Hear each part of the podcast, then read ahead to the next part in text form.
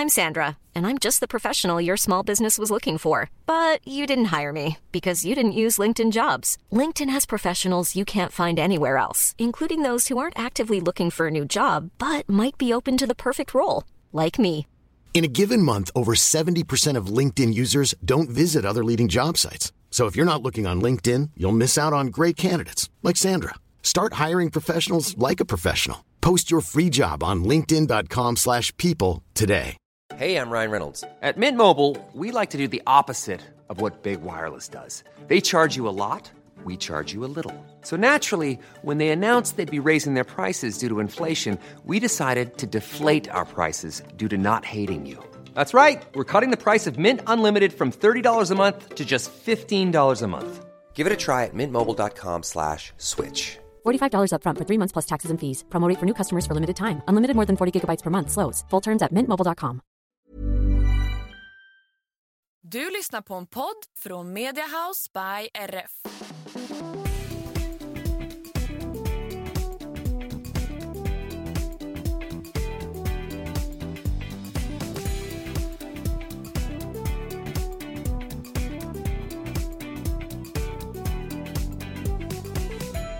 Hej allihopa och välkomna till systrarna Elfstrands hästpodd avsnitt 192. Det här avsnittet är sponsrat av Axevalla Hästcentrum och lite senare i det här avsnittet så kommer vi att gästas av Elin Göransdotter. Och Elin hon är före detta fälttävlansryttare, numera hoppryttare som jobbar på Axevalla Hästcentrum och tillsammans med henne så ska vi diskutera etik inom ridsporten. Men Först Anna så ska vi ta och uppdatera lite om veckan som har varit och hur är läget med dig idag? Ja men eh, trött i vanlig ordning typ känns det som.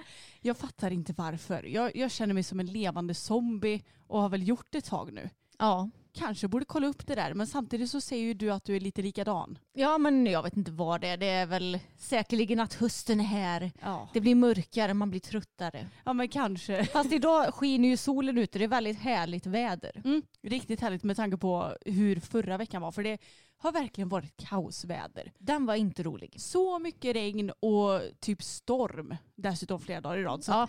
nej, det, nu känns det härligt med lite sol. Jag hoppas att det ska hjälpa mig att bli lite piggare. Mm. Hur mår du? Jo men jag mår bra. Som vi har sagt förut i den här podden att så fort det blir lite härligt väder så blir ju vi mycket gladare. Mm. Och idag känner jag mig så här pigg, glad, redo för en ny vecka. Hade, ja men trots vädret, en bra vecka förra veckan och känner mig ju ganska så stabil. Vi brukar ju skämta om att eh, min katt Siri, hon har ju inte velat gosa med mig nu på några veckor. Men så fort du sätter dig i soffan så kommer hon ju upp och ska gosa med dig. Mm. Och då säger du att ja men Emma det kanske är för att du är så psykiskt stabil nu och hon känner att jag behöver lite cuddle. Ja, men lite plåster på den mentala hälsans sår. Jag vet Ja. inte. Nej, så illa är det inte. Men eh, ja, jag, jag känner mig lite låg. Nå- Ja. Någonting är det. Men jag kan inte riktigt sätta fingret på vad. Men eh, det är helt okej. Man kan inte vara på topp precis hela tiden. Nej och jag känner mig nog lite högre än Mm. vad du är just nu. Så det får man ju tacka och ta emot så att säga. Precis, det Men får jag- man verkligen. Jag måste börja det här avsnittet med att dra en liten rolig historia. För idag har vi varit lite lediga på förmiddagen. Vi har ju jobbat i vanlig ordning i helgen så då tänkte vi att då tar vi lite sovmorgon så här en måndag förmiddag. Och du var ute och gick en lång promenad, jag var på gymmet och när jag hade gymmat så skulle jag åka och handla lite grann. Och när jag kommer in i affären och går in så är det en kvinna som har två döttrar framför mig och då ser jag att en väldigt konstig gubbe kommer fram till henne och bara Åh, vilka fina små ögonstenar du har. Och jag såg på henne att hon blev väldigt obekväm. Och hennes barn undrade liksom bara, vad, vad vill Vem är det här? Ja. Ja, precis. Och, eh, så det förstod jag. Eh, att det där var ju då en konstig gubbe. För man fick så här, intrycket att han var riktigt eh, märklig. Alltså någon sorts diagnos Mm. garanterat. Mm. Eller n- någonting var det med honom. Och då tänkte jag, bara han inte kommer fram och ska typ börja prata med mig också. För är det några människor i det här samhället som ska hålla på och prata med en så är det ju äldre människor. Gud ja. Speciellt på gymmet. ja, ja Her- Herregud vad de approachar mig där trots att jag har på mina hörlurar och bara vill träna i fred. Mm. Så då tänkte jag, han kommer säkert komma fram till mig i affären och prata också. Och jo, när jag har tagit mina bananer och ska gå och väga dem, då ser jag att han kommer fram till mig också. och så säger han en mening som jag aldrig någonsin tidigare och antagligen aldrig mer i mitt liv heller har slash kommer, Kommer höra någon höra. säga. Mm. Då säger han, tror ni att jag är ungdomens källa? Eh, va? ja. Vad i hela friden? Tror ni att jag är ungdomens källa? Och jag fick ju lite panik där i, för någon sekund. Bara, vad ska jag svara? Vad ska jag svara? Men eh, ja, som det sociala geni jag är så börjar jag skratta lite grann och säger Nej det vet jag inte om du är eller något sånt där. Ja. Eller nej det vet jag inget om. Ja, någonting sånt där sa Ja. jag. Och då gick han därifrån med en gång. Alltså det var det konstigaste jag varit med om. Jag vet, det var det konstigaste jag varit med om också. Och jag såg liksom att vissa i personalen såg ju att det här hände. Och sen efteråt, alltså jag kunde inte sluta liksom småskratta. Alltså mina mungipor, de brukar normalt sett peka neråt för jag har ju ett riktigt resting bitch face. Ja. Men jag gick och liksom hånlog, eller liksom hade ett så stort leende utan att visa tänderna hela min tid i den här affären. Så folk måste ju trott att jag varit på otroligt gott humör. Och den här gubben gjorde ju mig på väldigt gott humör för det var eh, väldigt roligt. Alltså, är det något sektliknande eller är han, eh, jag vet inte vad. Det Ja. låter ju något väldigt religiöst med att fråga något sånt där eller? Och också, tror ni att Ja. jag är ungdomens källa? Det, det kanske ändå beskriver att det här var en lite äldre man. Ja, eller? antingen, antingen för, ja, han var äldre. Antingen så pratade han ju väldigt fint med mig som Ja. om jag vore en kung, kunglighet.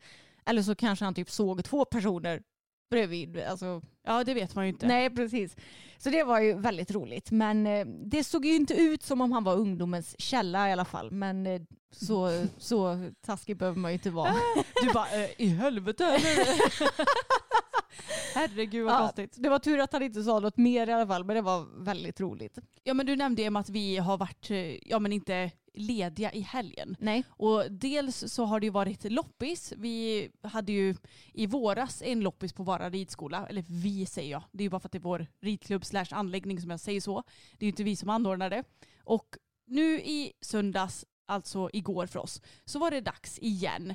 Och det var lite kul för under tiden som vi höll på att plocka in alla saker som vi skulle sälja så sa pappa, ja men vi kanske skulle tagit och hämtat Tage också, kunde vi sålt honom här? Alltså vad är det med honom? Och jag ba, då sa jag till honom, du vill verkligen bli av med Tage va? Mm. Och han bara, nej jag bara skojade. Ja men han skojar väldigt mycket om det. Ja, jag vet inte vad det är med pappa och, Nej. och hålla på och prata om att sälja Tage för att som sagt, han lever ju sitt bästa liv. Ja. Även om man kanske tyckte att vädret var lite jobbigt förra veckan. Ja. Men då fick han ju komma in lite istället. Så ja, att, eh, det älskar han ju. Då lägger han ju sig ner med en gång. Ja, och sover lite.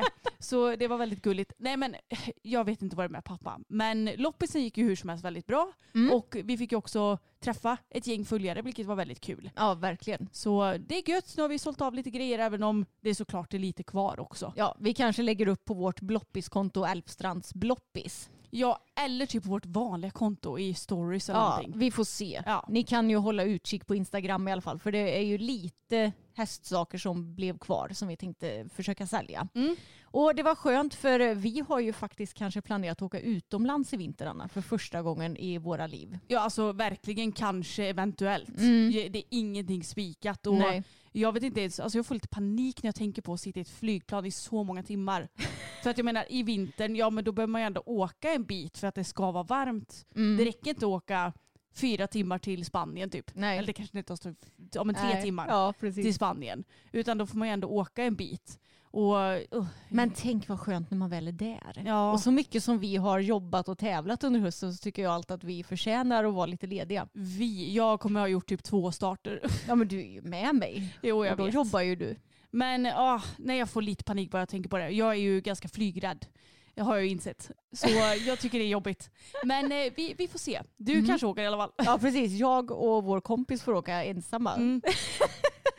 Nej, men eh, eventuellt. Så då är det ju gött att spara ihop lite pengar till en eventuell resa eller Mm. något annat. Exakt. Vad det nu blir. Men i lördags så var ju jag och Fokus och tävlade också. Och jag, det har varit lite blandade känslor för den här tävlingen. För ja, men dels så är jag ju så här, fasen ska jag starta? Han gick ju inte bra på hopptävlingen i Alingsås. Samtidigt så känns han ju fräsch. Men ska jag inte bara ta och ja, men strunta i allt nu? Men och dessutom Mm. så stod det att det skulle bli jordens jävla storm på lördagen. Ja, och planen var ju att tävlingen skulle ha framridning utomhus. Ja. Och så skulle det blåsa 20 sekundmeter och spöregna och du bara 24 Ja, 24. sekundmeter. Och åska och blixtra och regna. Jag bara, eh, Emma jag stryker mig. Det är ju ingen idé att åka. Varför ska vi utsätta oss för det här? Nej, och då sa jag Anna vänta lite så får du se om arrangören väljer att eh, ja, göra om det på något vis. Och det gjorde de ju. Det gjorde de. Tack Falköping för det. för att eh, det var lite kul. När jag red fram så var det ju störtskurar. Så det hade, jag tror inte fokus hade gått så bra på framridningen om vi, det hade varit framridning utomhus. Vi är ju vana att rida i lite regn. Men vi väljer ju ändå inte rida i världens storm utomhus. För varför utsätta oss för det? Det är ju en säkerhetsrisk tänker jag. Det kan komma träd och allt vad tusan du nu är. Ja. Och då skulle, när ni red fram inne i ridhuset, då, dörren var ju öppen så att man skulle kunna gå in och ut som man ville. Och så regnade det och blåste det. Så där dörren var uppe så blåste och regnade det ju in också. Så Mm. man såg ju verkligen hur det piskade in. Så, det var ju väldans tur att ni slapp rida fram ute kan man ju konstatera. Åh, då hade jag kanske bara, om jag rider fram i fem minuter och sen går in och kör järnet på Sen banan. får det gå som det går. Ja, exakt. Men vi red ju en lätt B och eh, alltså en lätt B1. Det finns ju ganska många olika lätt B-program. Och det var ju i våras som vi red det programmet senast. Men jag tyckte att han kändes fin på framridningen, lite stark i vänstertygen. Vilket är bra att jag reflekterar över för att vi ska ju eh, kolla upp honom nu på torsdag och då är det alltid bra att ja, men, berätta för veterinären vilka ridbarhetsproblem inom citationstecken. Jag tycker inte det är ett världens problem att ha lite häng i tygen men ja, det kan ju ha med något att göra. Så det märkte jag att ja, men jag får försöka få igenom vänstersidan lite extra. Så eh, jag gjorde min nya favoritövning mycket på framridningen och det är ju förvänd öppna. Och det var någon som frågade, eh, jag blir lite förvirrad, är inte det bara en sluta? För jag såg att någon hade kommenterat det på vår YouTube-video där jag Mm. visar upp det in action. Och det är ju vloggen som heter Thumbnailen är i alla fall en bild på Pebban och så står det snyggt Pebban eller något Ja, sånt där. precis. Eh, kommer inte ihåg exakt vad Någonting med loppisfix heter Ja, filmen. precis. Och i den filmen visar jag hur det ser ut. Och det är ju en sluta. Men istället för att ha hästen inåtställd så har man ju den utåtställd. Precis. Så det blir ju snarare en öppna fast i fel varv. Ja. Liksom. Så det gjorde vi lite på framridningen och jag tror ändå det gav resultat. Han kändes fin på framridningen. Vi hann med att göra, ja alltså det är inte så mycket rörelser, men han är ändå med och gör lite små volter och lite halter och sådär. Så när vi red in på banan kände jag mig ändå redo. Och jag tyckte att programmet gick bra. Han var lite väl på ibland tyckte jag. Och det, så jag fick mycket att parera upp liksom. Se till så att bogen var på rätt plats och eh, ja men se till så att han inte blev för het och typ eh, ja men sprang iväg för mycket i galoppen till exempel utan jag vill ändå ha lite kontroll på honom. Mm. Han, eh, men jag, jag klagar inte. Jag tycker det är kul när han ja, men är lite på istället för tvärtom som han har varit innan. Ja, exakt. Men jag tyckte att han såg fin ut men han var ju inte lika fin som han var i Grevagården. Nej, För då kändes det som han var lite mer med dig. Trots att egentligen det här programmet var ju ändå lite mindre, vad säger man, missfritt. Eller Ja. lite mindre missar i. ja men precis. Mm. Men ja, jag vet inte, jag kanske red bättre den här gången. Ja. Men att fokus egentligen var bättre förra gången. ja, det skulle jag nog säga. Mm. Så vi fick ju egentligen inga större missar så, men fokus och fibersand. Mm. Alltså fokus, hjärta, fibersand är lika med falskt. ja. Han snubblade två gånger i skritten, vilket han ju såklart inte kan rå för. Men jag bara, åh, hur ska det här gå nu då? Men fick du något avdrag för det? För du fick ju bra poäng i skritten. ja, men det, han skri, det var ju i mellanskritten. Som Ja. han, alltså innan eh, den, eller vänta nu, eh, alltså innan diagonalen Jo, jag vet. han. Så jag vet inte om vi direkt fick något avdrag på det. Jag tror, alltså jag tror att domare har nog ändå rätt så bra koll på att många hästar inte kanske är så himla bra kompisar med fibersand för det är många hästar som snubblar på det vet jag. Jo, men jag brukar få avdrag om jag han snubblar. Jo, men är det bara en liten grej så kanske. Jo, men, men det var också lite kul för när vi skrittade av efteråt, för jag var näst sista ryttaren i klassen. Och då hade de collecting-ring inne på banan och efter mitt program så eh, travade jag av honom medan sista ryttaren, ja men vad ska man säga, värmde upp inför sin start eller innan hon fick startsignal. Och sen så när hon fick startsignal så valde jag att skritta av honom. Och jag tror fasen han snubblade tio gånger på den här tiden. Han hatar verkligen Fibersan. Han Ja. snubblar och fastnar typ i det ibland. Mm. Det, ja, jag är inte riktigt eh, fan av Fibersand på honom. Sen Nej. så tycker jag egentligen att det är ett trevligt underlag. Jo. Men jag tycker ändå det är så kul för många tycker att Fibersand Åh, det är helt fantastiskt och det är det bästa underlaget. Medan jag bara, nej, min häst snubblar på det. Ja, jag är inte heller ett superfan av fibersand får jag säga. Nej, det, vi är lite så här, ja, det duger. Funkar att tävla på men hade inte valt att rida på det för ofta. Nej, precis. Men hur som helst i alla fall, jag var väldigt nöjd med ritten, även om jag kände att han kunde varit lite mer med mig. så. Eh, Och jag hade ingen aning om vad jag fick för resultat. Jag satt och pratade med sista ryttaren som hade ridit efter min ritt, så jag hörde inte ens vad spiken sa. Och sen så sa de bara, ja men då vill vi kalla in på prisutdelning. Och så nämnde de upp namnen och då var ju jag tvåa den här gången. Mm. Jag bara, jaha, alltså det är alltid det här som är svårt med dressyr. För att i hoppning så är det ändå sådär att ja men okej jag var snabb och felfri. Då borde jag hamna på placering Ja. eller kanske strax utanför beroende på hur snabba de andra är. Men i dressyr, ja du har gjort ditt och sen så får du helt enkelt se vad, hur det går. Ja och i synnerhet med fokus för det känns som att man vet ju aldrig hur domarna dömer honom med hans tunga och Nej, sådär. exakt. Men eh, det var väldigt, väldigt kul att det ändå blev så pass fint resultat. Vi fick 68,036 tror jag. Mm. om jag inte minns fel. Så det var ju precis över 68 procent strecket och kom då tvåa. Och det var sjukt tätt i toppen. Det var, jag hade 0,3 procent upp till första plats och sen var det knappt 0,3 procent till den som hamnade på tredje plats. Så det var verkligen, verkligen tajt där. Ja. Men eh, väldigt kul. Han skötte sig skitbra hela dagen och ja, men, han gör mig väldigt glad. ja, han är så duktig. Ja. Och Pebban fick lite vila över helgen eftersom jag var borta och det förtjänar hon för hon har ju gått rätt så intensivt det senaste. Och nu den här veckan så blir det tävling igen. Mm. Och sen så kommer jag att tävla henne, har jag insett, varje helg i november. Fast det kommer bli två dressyrtävlingar på hemmaplan. Så Ja. det, alltså det, det är ju snarare som att jag åker iväg till ridhuset och rider ett dressyrpass. Det blir ju ingen större grej. Nej, och det är klart att för den här som fokus som kanske ändå är lite mer vad ska man säga, mentalt spänd, då blir ju det ändå kanske en ansträngning, inte kroppsligt men ändå mentalt. Ja. Men Pebban är ju så in i bänkens chill. Ja men hon bryr ju sig inte om Nej. sånt. Och sen Så- så. är det två hopptävlingar i november också som jag är anmäld till. Sen får jag se om jag kommer rida allt för jag är anmäld till 105 centimeter vet jag.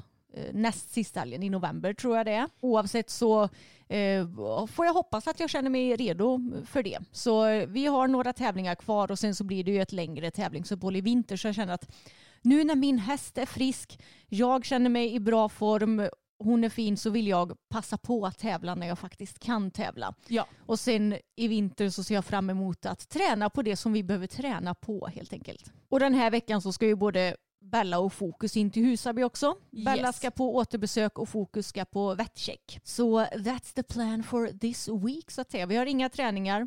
Eller jo, jo, jag ska ju träna för Pia och så ska vi filma Ja. med Pebban. Men eh, annars är det en rätt så lugn vecka. Ja, det känns skönt för att eh, ja, som sagt då har man ju lite tid att åka iväg till veterinär och sådär.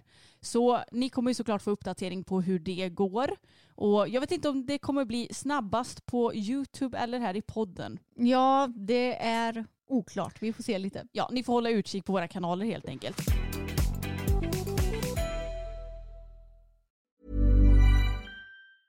A lot can happen in three years, like a chatbot may be your new best friend. But what won't change? Needing health insurance. United Healthcare Tri Term Medical Plans, underwritten by Golden Rule Insurance Company, offer flexible, budget friendly coverage that lasts nearly three years in some states. Learn more at uh1.com. Everyone knows therapy is great for solving problems, but getting therapy has its own problems too, like finding the right therapist, fitting into their schedule, and of course, the cost.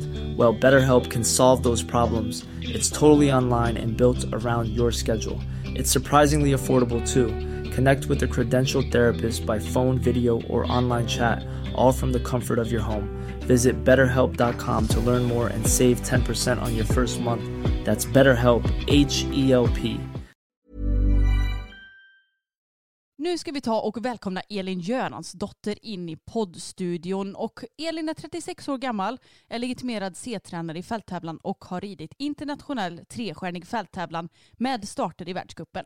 Dessutom så har hon placeringar i 1,40 hoppning och som junior och young rider red hon i svenska landslaget där hon deltog i EM och har medaljer från SM och NM. Elin arbetar med att hålla i terrängträningar och hon jobbar även deltid som biträdande rektor på Axevalla hästcentrum.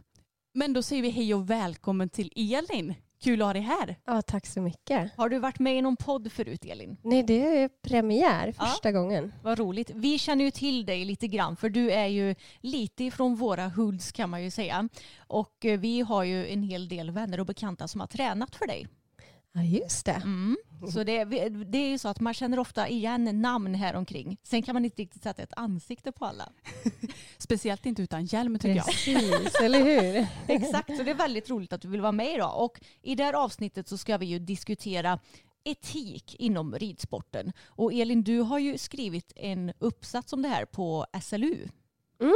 Precis. Det var ju när jag gick eh, etologi och djurskyddsprogrammet på SLU. Där kom jag ju in på mycket, jag tänkte väldigt mycket på det här med hur vi använder hästar och framförallt eh, till tävling som gjorde att jag jag blev eh, mer och mer intresserad av ämnet och jag kände att jag behövde kunna argumentera för varför, eh, varför jag gör det. Varför använder jag mig utav hästen till tävling? Ja, precis. Och det här var på den tiden som du fortfarande red fälttävlan va? Ja, precis. 2011 skrev vi den här, så det är ju ett tag sedan Ja. nu. Ehm, men där, den tiden då red jag även fälttävlan på elitnivå. Ja, vad roligt. Jag tycker det är så kul för vi brukar ju diskutera de här ämnena i podden. Och nu är ju inte vi så insatta i just fälttävlan men jag tänker att vi kan ju diskutera lite mer allmänt också. Men Anna, både du och jag har ju läst Elins uppsats Mm. och tyckte att den var väldigt intressant. Vad kul! Bra. Men är det någon specifik händelse i ditt liv som gjorde att du blev mer intresserad av detta? Eller hur, hur har du intresserat dig för just etik? Det är svårt att förklara men så här, i min värld, jag har hållit på med hästar i hela mitt liv. Det har varit väldigt självklart för mig att göra det här. Jag har aldrig innan liksom tänkt på under min ungdom eller så när jag har hållit på och tävlat och grejat att det, att det kanske inte är så självklart att göra det utan det, bara, det har varit och det har varit naturligt. Eh, på utbildningen så hamnar man ju med andra studenter som kanske inte alls har den synen på hantering av djur. De kanske inte tycker man ska använda djur för, eh, för livsmedelsproduktion och, och då blir det ju än mer liksom ifrågasatt att använda djur för, för vårat rena nöjes skull. Eh, så det var nog e-, egentligen inte att jag varit utsatt utav dem eller så utan mer att man kände att gud, jag, här är jag bland folk som har en annan, en annan syn på det här än vad jag har. Så det var nog det som gjorde att jag blev intresserad. Men det som var egentligen din frågeställning i den här uppsatsen Elin, det var ju ifall det är etiskt försvarbart att använda hästar i ja, framförallt fälttävlan men kanske för nöjes skull överhuvudtaget. Mm. Och för tävling. Precis. Och kom du fram till något svar i din uppsats? Ja, jag kom fram till långt svar och, och kanske inte ett enkelt svar heller. Eh, det viktigaste tänker jag är att all, alla egentligen tänker igenom vad man själv tänker och tycker om det. Att man ska vara medveten om att det kan vara med, med en viss eh, nypa tvång vi gör det här för hästarna. När vi rider in dem så är det inte så att hästarna ber om att bli inridda till exempel. Nej. Det är, det är med en viss eh, tvång som vi, som vi gör detta och det måste vi på något vis landa i. Hästarna ber inte om att bli hoppade eller de ber inte om att eh, gå i piaff och passage. De väljer inte det själva. Å andra sidan så kan vi också tänka att skolan som vi går i det är också ett tvingande system. Mm. Ehm, och på gott och ont tänker jag så kan man ju resonera att eh, för oss är det ju självklart att vi ska gå i skolan men det är inte alla som kanske vill gå i skolan heller. Nej. Så lite så kan vi likna det tänker jag också. Mm. Eh, Men att man inte är så här självklar. Liksom. Nej, men det är inte alls säkert att hästarna vill vara med på det här. Där tänker jag väl att man ska börja och, och fundera på. Det är så viktigt att man känner in sin egna häst. Vad vill den? Tycker den att det är roligt? Hur vet man att den tycker det är roligt? Den är jättesvår. Ja.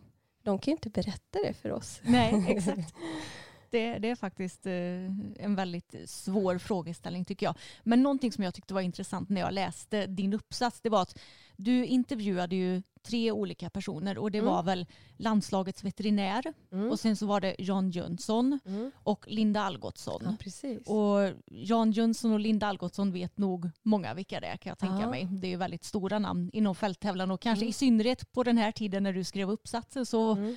eh, var ju Linda Algotsson väldigt framgångsrik. Absolut. Det är hon ju fortfarande men just då Absolut. kanske hon hade sin riktiga peak. Mm. Och de tre hade ju ändå ganska så olika svar Mm. på din fråga när du Mm. ställde dem. Men är det etiskt försvarbart att använda hästar i fälttävlan? Och den som var mest kritisk till det hela eller som kanske hade lite mer, vad ska man säga, eh, ingående svar på det hela, det var ju veterinären. Precis, Staffan Lidbeck som också Ja. blev landslagsveterinär i några år. Ja, Eller landslagsledare också, Ja, och veterinär för Mm. fälttävlanslandslaget. Absolut, han har ju tänkt mer än en gång på det. Ja. Eh, och han, han är också en som går, ja, men, ja, men lyfter ämnet eh, ofta i Ridsportförbundet och så. Eh, och även internationellt eh, lyfter han frågan. Och han möter ju andra sidor tänker jag också i sin veterinära roll. Där han med säger att nej, men det är ofta att eh, att människor säger att nej, men det vore så kul om hästen kunde bli frisk för att den vill ju så gärna hoppa. Eh, och då tänker han, "Ja, men är du säker på det? Ja, är det så? Eller är det dina intressen Ja. som är i... är det du som vill hoppa? Ja, precis. Eller om man ska avliva en häst. Att det, ja, det är också resonemang som man hamnar i de här etiska Mm. eh, dilemmana.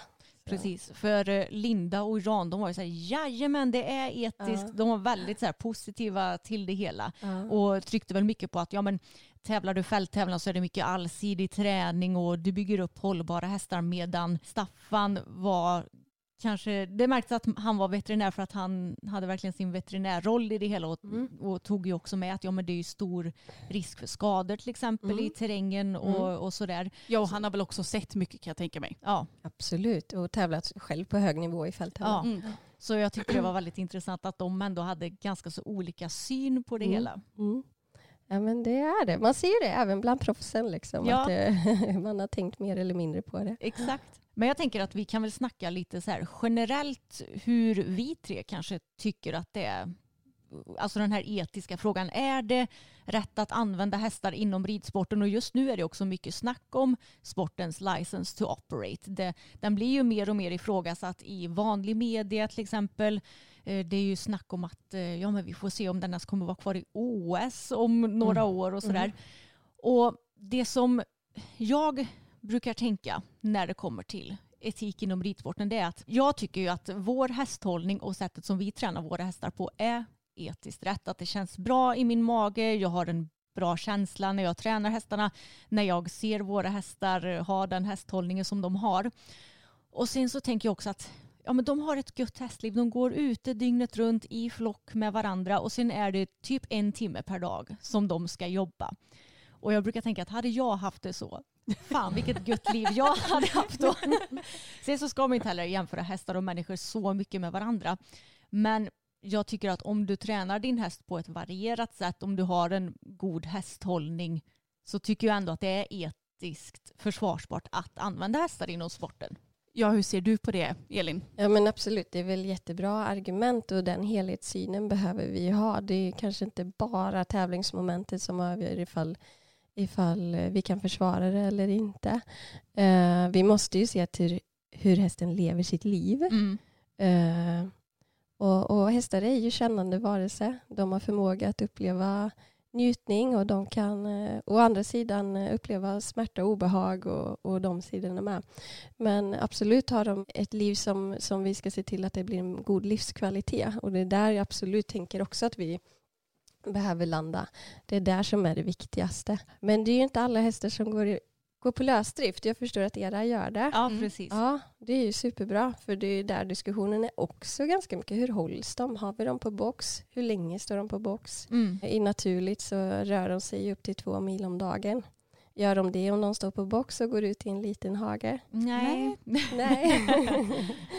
och det, det finns ju många, vi behöver se till hästens eh, ja, men beteende och naturliga beteendebehov. Och, så det är ju en del rörelsen och sen är det ju maten och ätbeteendet som vi påverkar väldigt mycket också och styr över idag. Eh, är det lösdrift så är det, an, antar jag, fri tillgång. Ja. Ja, det är jättebra. För, för det i fritt och naturligt så betar ju hästen till stor del av dagen. Liksom. Mm. 70 procent eh, av sin vakna tid så går de ju och betar eller födosöker. Så, så, och problemet där då, om man har dem i lösdrift och på fri tillgång, det är ju att se till att de inte blir för feta. Ja, det är ju kanske vårt största problem eh, Jag skulle, många precis säga, ja, jag skulle precis säga det att det är inte så att våra hästar behöver leta efter maten. Det är väl kanske det som är bekymret. De vet vart den där höbollen är. Exakt. Precis, de skulle behöva röra på sig mer. Ja, alltså. exakt. Det, det hade de verkligen behövt. Men hur har du dina hästar, Elin? Nej, men jag har ju klassiskt på box och ute Ja. i hage. Så det, det, jag är inte den bästa i klassen på att uppfylla, uppfylla. Och när vädret blir så här så är det också, då väljer, man ju hellre att ställa hästen i, i en grusad hage där marken håller så att det inte blir lervälling. Så, Mm. Men så är det ju. Och jag menar, det går inte riktigt att jämföra med att de kan röra sig helt fritt jämfört med hur vi har det. För jag menar, vi måste ju ändå hålla våra marker i skick för att de ska kunna beta ja. när det är Ja. fint väder. Så är det ju också. det, det är många aspekter Mm. som, som avgör hur vi väljer att göra. Liksom. Mm, exakt. Ja, det är svårt. Och vi har ju också eh, väldigt privilegierat för vi har ju en bra gård, vi har bra mark, vi har ingen lerjord till exempel. Så det blir ju mycket enklare för oss att ha en bra hästhållning jämfört med hur det kanske är på andra ställen kan jag tänka mig. Mm, absolut, det är klart. Vi har alla olika förutsättningar. Exakt. Ja. Men eh, jag vet också att vi har ju ändrat ganska mycket på vår hästhållning och ja, men kanske lite analyserat back in the days hur det var då och kände att nej, men det här kanske inte känns helt rätt i magen. Och eh, sen när vi flyttade våra hästar till gården så hade vi möjlighet att ha precis den hästhållningen vi ville. Så vi har ju verkligen fått ett helt annat synsätt på till exempel lösdrift. För ja, när vi var yngre så tänkte vi att lösdrift är ju ett ställe där liksom unghästar och gamlingar går på. Det, det kan man inte ha några tävlingshästar på. För, för det var ingen som hade det känns det som när vi var yngre. Nej, Medan nu blir det mer och mer vanligt och det kanske är också för att det kommer ju mer och mer forskning på det hela och fler och fler pratar om det och även större ryttare som har sina hästar ute på lösdrift till exempel som visar att det går. Så jag tycker det är intressant och det känns ändå som om den här vad ska man säga, eh, hästhållningsbiten har kommit en rätt bra bit på vägen bara Mm. de senaste typ 10-20 åren. Absolut. Syn- Det är ju lika aktuellt idag, den här diskussionen, som när, som när jag skrev arbetet. Ja, exakt. Absolut. Och sociala kontakten var vi ju, det, det får vi inte glömma heller. Nej. Som, som hästarna absolut får ifall de får gå i flock eh, tillsammans med varandra. Precis, det är också ett stort grundläggande behov hos dem. Absolut. ja och kanske något av det absolut viktigaste skulle jag säga. Mm. Mm. Men vad kan vi då konkret göra för att hålla god etik? Eller hur jag nu ska ställa den här frågan. Mm. Nej, men de, dels det som vi var inne på med hur, hur, hur lever hästen sitt liv som jag, som jag ansvarar för. Sen tänker jag att vi behöver tänka på träningsmetoder. Hur tränar vi hästarna? Hur, hur lär de sig? Använder man mycket positiv förstärkning? Negativa förstärkningen är ju det som vi ja, men till stor del använder i ridning. Det är ju att de ska gå undan för tryck till exempel. Vi lättar av skänken när de går fram. Vi mjuknar i handen när de eh, Gör Ja. rätt. Ja, Ja. precis. Dels där, att vi, att vi är duktiga på det och att tränarna är duktiga på att förmedla det. Det är av stor vikt för där kan man ju lätt hamna på gränsen till, till något annat där det blir ett obehag och det blir eh, dessutom den här bestraffningen, att man börjar straffa beteenden. Då är man ju nära vågskålen till att det ska bli till något dåligt Mm. som inte är etiskt försvarbart. Mm, exakt. Någonting konkret som jag tänker på när det kommer till tävling det är att jag kan tycka att vissa domare, till exempel hoppdomare då, på hopptävling är ganska dåliga på att säga till om någon använder spöet mycket. Mm. Eh, och egentligen så får du ju bara använda spöet två gånger under en ritt. Men det, jag tycker det är ofta som man ser ryttare använda spöet bra mycket mer än så. Och att de ändå inte får någon konsekvens av det. Så jag tror att till exempel domare, de har ju egentligen mycket makt i det här för Mm. att få en positiv förändring. Men jag tycker att eh, jag tycker de kan bli lite bättre på det Mm. faktiskt. Jag tänker ansvaret, för, först och främst hänger det ju på den som utövar. Mm. Men eh, det kan vara barn som inte... Eh, Som inte har så bra koll. nej men precis, s- som vi formar. Som föräldrar, föräldrar måste ta ett ansvar, tränare måste ta ett ansvar, domarna måste ta ett ansvar. Alla. Mm. Jag tänker alla. Ja. Alltså ser man att det är någonting som, som eh, händer som inte är etiskt korrekt, då, då tänker jag att alla ska kunna reagera. Ja, exakt. Och om du ser någonting på tävling som du inte tycker är etiskt korrekt så är det jättebra att du säger till överdomaren för det är ju den Ja, som har makt att absolut. eh, ja, ge den här ryttaren några konsekvenser. Det har ju vi gjort back in the days Mm, till exempel. Om vi har varit med om saker som vi inte har tyckt eh, varit schysst mot hästarna. Så det är ju någonting konkret som du kan göra och sen också när du är på tävling att du visar upp ett gott exempel. Att du rider mjukt, att du är snäll mot hästen, att du inte håller på och bestraffar den. Mm. Ja, det finns mycket som du Mm. kan göra. Jätteviktigt. Sen tänker jag med att vi ska ställa oss frågan så här. Anta att vi har en häst som gillar att tävla. Då är det ganska enkelt att tänka, nej men det, det, den mår ju bra av det här. Mm. Att den bjuden kan, kan ju vara ett liksom, tecken på att den ty tycker det är roligt. Men säg att man har en häst som inte tycker om att tävla. Mm. Då är det ju svårare. Så man måste nog tänka till lite på vad har jag för häst och vad är den lämpad för? Hur mycket kan jag pressa eller inte? Och vad, och vad betyder att pressa? Liksom? Ja, exakt. Ja, jag, jag tycker det kan vara lite tråkigt ibland att se hästar som man märker att nej, men den här hästen den tycker inte att det är kul att vara iväg på tävling. Den kanske stannar på hinder och då får den kanske en del pisk. Och då kanske man kan tänka att den här hästen är kanske inte lämpad att tävla Mm. utan den hade trivts bättre av att göra något Precis. annat. Och Ja, jag tycker inte att du ska tävla till varje pris Mm. på vilken häst som helst. Mm. Ja, precis. Jag håller med. Det är svårt. Det är så mycket förväntningar. Liksom. Köper en häst så köper man förväntningar. Så funkar inte det så ja, klurigt är det. Ja, det är det. Vi har ju haft en häst, vår allra första häst. Han eh, visade ganska tydligt att ja, men han vill inte tävla. Han var ganska tittig av sig och ville gärna titta på hindret innan han hoppade det. Och det funkar inte så bra på tävling då för du hinner ju inte titta på varje hinder. Precis. Och då, då fick ju vi sälja honom för vi ville tävla men han var ingen tävlingshäst men en jättetrevlig hobbyhäst istället.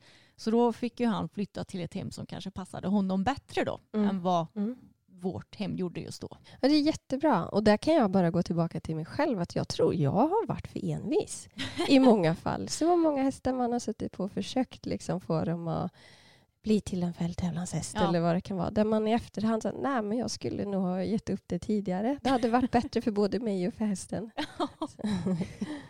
Envishet är bra i lagom mängd Ja, kanske. ja precis.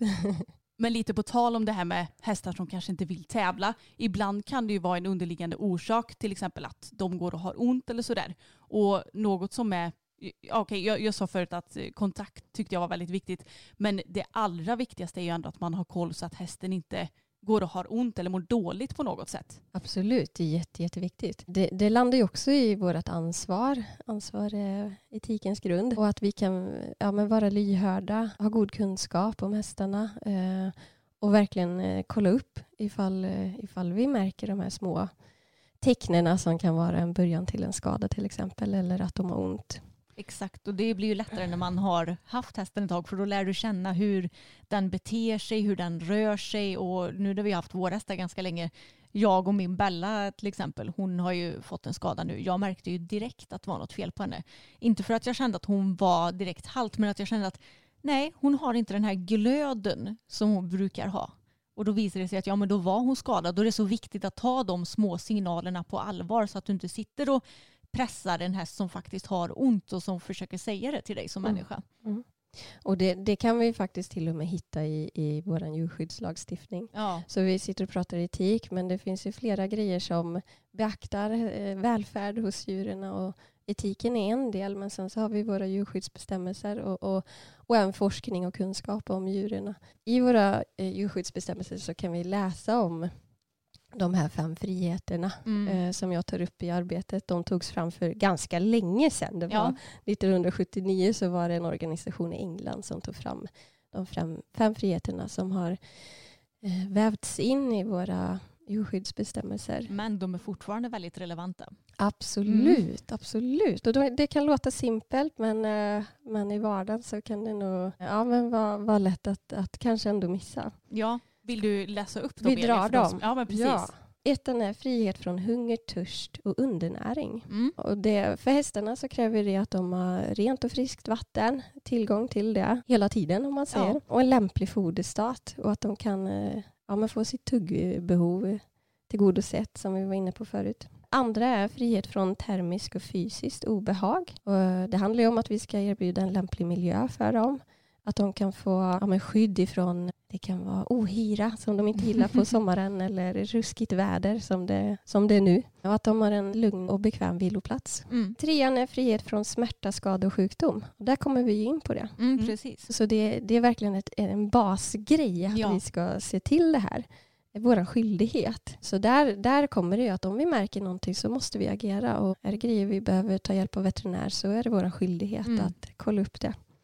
Fyran är frihet att uttrycka naturligt beteende. Då har vi ju varit inne på det här med sociala kontakten, få vara i en flock, rörelsebehovet, ätbeteendet. Och sen femman är frihet från rädsla och oro. Mhm. Och där, det kan ju handla om att vi inte ska utsätta dem för längre perioder av stress. Nej, precis. Nej, det är klart, för det kan ju dyka upp eh, någon läskig skylt på uteritten eller vad som helst. Det är inte det man menar att de aldrig ska eh, känna någon form av stress eller oro, men att det inte blir under för lång tid. Precis. Nej. Och Absolut. Det kan ju kanske till, till exempel vara då oetiska träningsmetoder kan jag tänka mig är en del av den. Exakt, precis. Mm. Typ sånt som Fokus har varit med om tidigare i sitt liv. Ja, precis. Mm. Ja men sammanfattningsvis då om det är etiskt försvarsbart att använda hästar för tävling så tror jag att vi tre är ganska överens om att ja det är det om du gör det på rätt sätt. Ja, ja.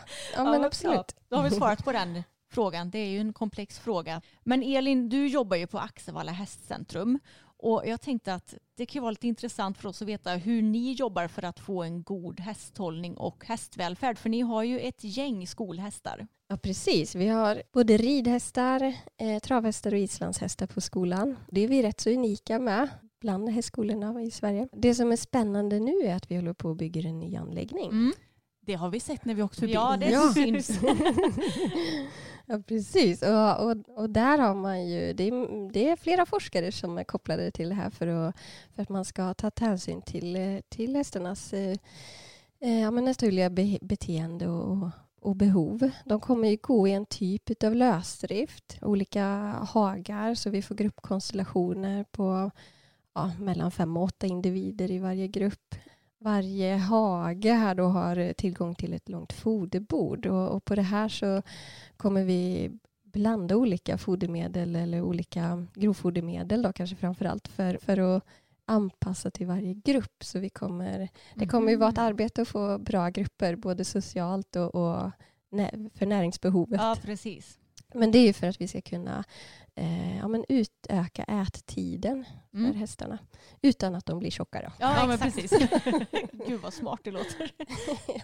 Lär ni ut något om etik och moral i skolan till eleverna och sådär? Om de har någon specifik eh, kurs eller så? Vi har ingen kurs som heter djuretik eller så, men jag tänker att det, det vävs in liksom i, i, både i det dagliga men också de hästkurserna som, som man läser. Läser de djursjukvårdskursen så då kommer det verkligen som ett mål i kursen att man ska eh, ha tagit upp det. Jag har ju varit inne många gånger och, och tagit upp ämnet för att jag brinner lite för det också. Eh, jag tycker det är väldigt roligt att skapa diskussioner så i klassrummet. Det är ett ämne som är lätt att ha. Mm. Men ja, absolut. Det kom, jag tänker det kommer tillbaka dagligen. Hur, hur vi beter oss, vilket ansvar som vi bär. Verkligen. Men vad har ni för utbildningar? Ja, vi har ju gymnasie, det är naturbruksprogrammet som vi har med hästinriktning. Där eleverna väljer då trav, island eller ridsport. Målet är ju att de ska ta hästskötarexamen i årskurs tre. Mm.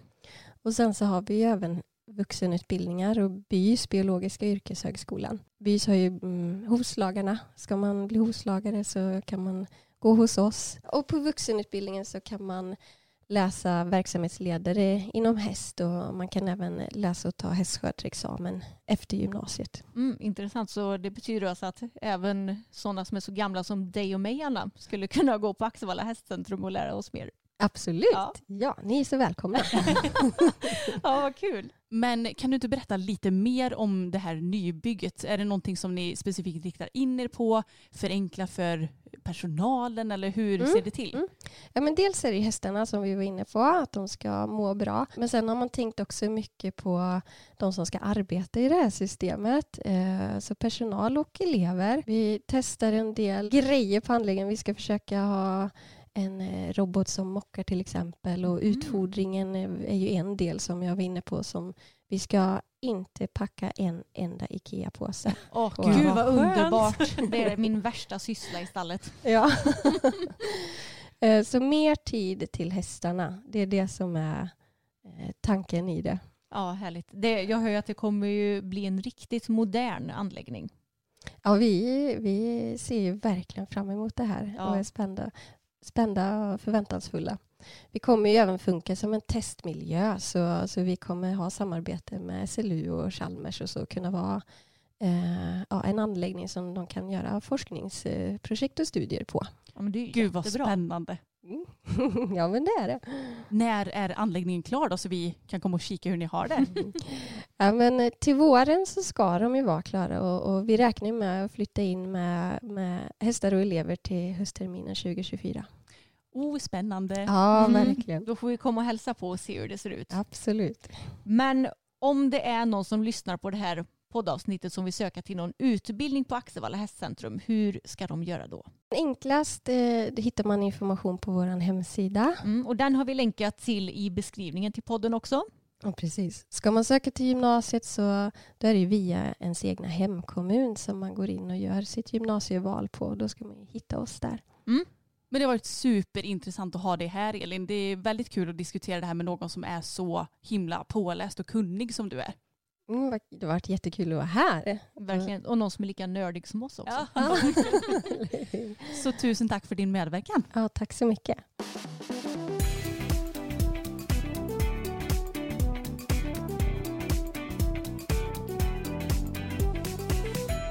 Och innan vi tar och avslutar det här avsnittet så tänkte jag ta och eh, prata lite om en fråga som jag vet att vi fick i DM. Mm. Och den var ungefär något i stil med hur långa är era hoppträningar? Det känns som att ni hinner med så mycket. och jag antar att man syftar på ja, men de filmerna vi lägger ut på YouTube. Och då kan jag också tillägga att ofta så är ju inte riktigt allt med utan det kan vara någon liten sekvens som jag har klippt bort för att det inte ska bli för långt. Men man kan väl säga som så att våra hoppträningar de är väl ungefär en timme långa. Mm. Och nu det senaste så har vi bara varit typ fyra fem i gruppen va? Mm. Och dessutom så har det varit, ja men det har varit så bra grupper så det har inte varit några hästar som har krånglat och ryttarna är duktiga så att allt flyter ju på väldigt bra. Och ju mer det flyter på desto mer hinner du ju med på en träning och jag menar vi har ju varit med och tränat många gånger där det känns som att ja, men det känns som att vi inte har hunnit med att göra någonting för att det kanske är någon häst som har krånglat mycket, det är något ekipage som får strul och det kan ju vara ganska så frustrerande när du känner att du vill träna själv. Ja men det är ju det här som är lite för och nackdel med gruppträningar. Ja, För att tränar du själv då får du allt fokus på dig själv. Krånglar du så hinner man kanske lösa det. Går det hur bra som helst så är det vad det är. Liksom. Men fördelen med gruppträning det är ju ändå att man kan verkligen lära sig av varandra också. ja. Och man kan peppa varandra och stötta varandra på ett helt annat sätt än om man åker iväg själv. Och jag tycker inte det, för oss är det ju inte hållbart att träna själva. Nej, och man får också en del naturliga pauser i Mm. gruppträning. Sen man- vill man ju inte ha för mycket heller. Och jag vet att vissa hästar eh, har ju inte så mycket fördelar av att du väntar länge. Jag vet att Boppen till exempel var sån. Han var ju så himla stor och sen när han var lite äldre också så blev det ju att Alltså det är inte så himla bra att han bara får gå och skritta omkring för länge innan han hoppar igen. Nej, för Medans- även om han skrittar så stelnar han ju till på ett sätt. Ja, medan med Pebban så är det mer fördelaktigt att få ta det lite lugnt emellan eftersom hon är en ung och ganska så het häst. Mm. Så hon får liksom coola ner lite grann. Men jag tycker att eh, vi har så himla roliga grupper som vi har tränat med nu. För de flesta är på ungefär vår nivå. Eh, ibland någon som hoppar lite högre och det är ju väldigt inspirerande att se. Och att eh, alla har kanske lite olika problem med sin hästar men inte så mycket problem att det vad ska man säga, Ja, tar stoppar tid. upp. Nej, precis. Mm. Stoppar upp eller tar tid ifrån träningen utan alla har väldigt olika hästar, ryttarna har sina styrkor och svagdelar. Svagdelar? Svagheter! Och eh, det är intressant att se hur Sussi, vår tränare, ja, men försöker lösa alla problem. Mm. Så ja, svaret på den frågan är ungefär en timme och oftast så hinner vi ju med rätt så mycket på den tiden. Ja, men det är ju lite olika som sagt eh, vad det är för grupp och hur dagsformen är på alla ekipage. Hur mycket man hinner med. Och jag kan tänka mig att som tränare så har du ändå en grundtanke med vad du ska hinna med på träningen. Du har fixat en övning eller en bana som ska hoppas. Men sen så får man se liksom hur många delar på den här banan som man hinner ta med varenda gång. Exakt. Men jag skulle säga att så här, den ideala, det ideala numret för att ha en hoppträningsgrupp skulle jag säga fyra stycken. Håller helt med. Mm, För då är- hinner man pausa Ja, men du hinner inte slumra till. För nej, som du sa, eh, Pebban är ju fördelaktig att vänta lite. Bella är lite så här, det, det är skitsamma. Hon hade nog kunnat eh, hoppträna själv eller hoppträna med fem. Det, Ja. Hon är lite samma samma. Men Fokus, han somnar ju till lite. japp. Alltså jag tappar ju lite motor på honom när han får chilla för länge. Och eh, han blir ju inte stel i kroppen men ja men ni fattar. Han eh, blir liksom lite slö igen, då får man börja om lite på noll det känns det som. Precis. Så eh, mm, det är ändå intressant det där. Ja, verkligen. Vad, ni som följer oss, kan inte ni kommentera i vår Facebookgrupp Systrarna Älvstrands hästpodd Eftersnack vad ni föredrar när ni hopptränar? Hopptränar ni privat? Hopptränar ni kanske i par eller hopptränar ni i grupp? Och hur tycker ni att allt sånt flyter på? För jag vet att skulle vi hoppträna privat hade det blivit väldigt dyrt för oss. Ja men det är lite det jag tänker också. Mm. Och, ja, det, det funkar inte riktigt. Och sen är det också så att när vi har det nu på ridskolan, man hjälps åt och ja, men första gruppen bär fram allting. Ja, Och sista gruppen bär bort allting. Och ska man ha en ordentlig bana med hinder och så är man kanske två stycken. Det blir rätt saftigt det att både blir mycket jobb. ja, bära fram och bort. Ja, men det är därför som jag tycker det är så skönt att åka på regelbundna hoppträningar också. För vi är ganska dåliga på att bygga fram saker hemma. Och det är väl mycket för att det är ju mycket jobb att bygga fram Ja, och hålla på grejer. Det framförallt så är det ju också svårt att komma på vad fan man ska hoppa. Ja, exakt. Det är så skönt med tränare som bara, så nu har vi satt upp de här övningarna. Mm. ibland så kan man känna bara, åh det här känns jobbigt, det är utanför min comfort zone. Och ibland så bara, ja men det här är lugnt. Ja, exakt. Så vi gillar ju att hoppträna för att då får vi jobbet gjort. Ja, och man får mycket inspiration. Exakt. Men det var allt för det här avsnittet och vi säger återigen tack till Elin. Tyckte det var jätteintressant att ha henne här. Och som sagt väldigt kul att diskutera det här med någon som är lika nördig och ännu mer insatt i ämnet än vad du och jag är. Exakt. Och vi har länkat till Axevalla hästcentrum i beskrivningen. Och där finns också länkar till vår merch, till vår YouTube-kanal. Det finns Instagram-länkar där också. Ja, allt ni kan tänkas behövas veta helt enkelt. Precis, ha det jättebra hörni så hörs vi igen nästa vecka. Det gör vi. Hej då! Planning for your next trip? Elevate your travel style with Quince. Quince has all the jet setting essentials you'll want for your next getaway, like European linen, premium luggage options, buttery soft Italian leather bags, and so much more. And is all priced at 50 to 80% less than similar brands. Plus, Quince only works with factories that use safe and ethical manufacturing practices. Pack your bags with high-quality essentials you'll be wearing for vacations to come with Quince. Go to quince.com slash pack for free shipping and 365-day returns. Mom deserves the best, and there's no better place to shop for Mother's Day than Whole Foods Market. They're your destination for unbeatable savings, from premium gifts to show-stopping flowers and irresistible desserts. Start by saving 33% with Prime on all body care and candles. Then get a 15-stem bunch of tulips for just $9.99 each with Prime. Round out Mom's menu with festive rosé, irresistible berry chantilly cake, and more special treats. Come celebrate Mother's Day at Whole Foods Market.